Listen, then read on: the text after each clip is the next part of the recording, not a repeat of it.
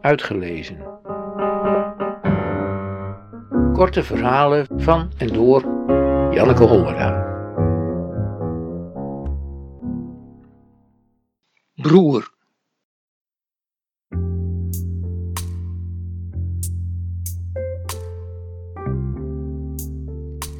In zijn nieuwjaarstoespraak van 1950 zei premier Drees: Een deel van ons volk moet het aandurven zijn toekomst te zoeken in grotere gebieden dan eigen land.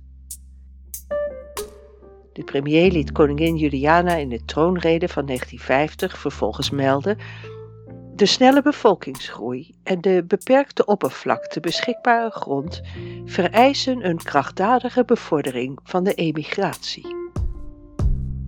Mensen met weinig inkomen kregen de overtocht betaald en een paar honderd gulden landingsgeld.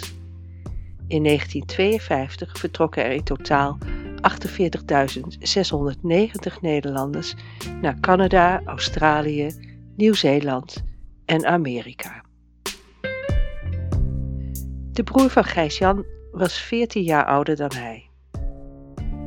Hij is op zijn 21ste met de Waterman naar Canada geëmigreerd. Op de Wilhelminakade in Rotterdam stond Gijs-Jan met zijn ouders en zijn zusjes.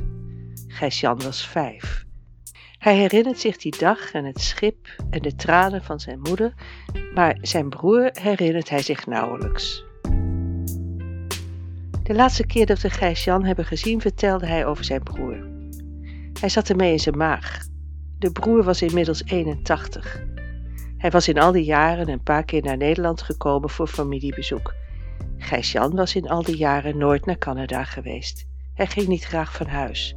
Hij hield niet van reizen en hij was bang om te vliegen. Maar toen vroeg hij zich af of hij, als zijn broer dood zou gaan, naar de begrafenis in Canada zou gaan. Het was wel zijn broer. Hij vroeg ons wat wij zouden doen in zijn geval. Wij zouden met een schip naar Canada varen voor de broer dood is, zeiden we. Gijsjan knikte. Hij dacht na. Dat maakte op uit het feit dat hij heel lang naar zijn glas staarde, zonder te drinken, zonder te spreken. Mijn broer en ik hebben niets, zei hij. Er is in de keren dat we elkaar gezien hebben niets, maar dan ook helemaal niets ontstaan wat op broederliefde of genegenheid of zelfs maar herkenning lijkt. Hij lijkt op niemand uit het gezin. Hij is klein, gedrongen, heeft zwart haar en kleine ogen. De rest van de familie is blond en blauw. Hij is een gesloten man. Wij zeiden dat een brief aan de broer misschien een mooi gebaar was en Gijs Jan zei dat hij erover na zou denken.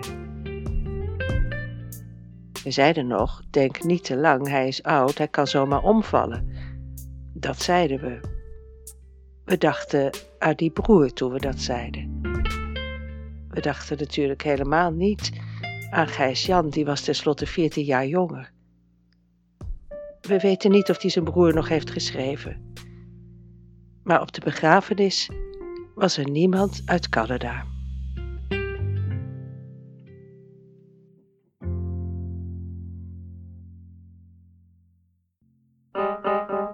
Uitgelezen.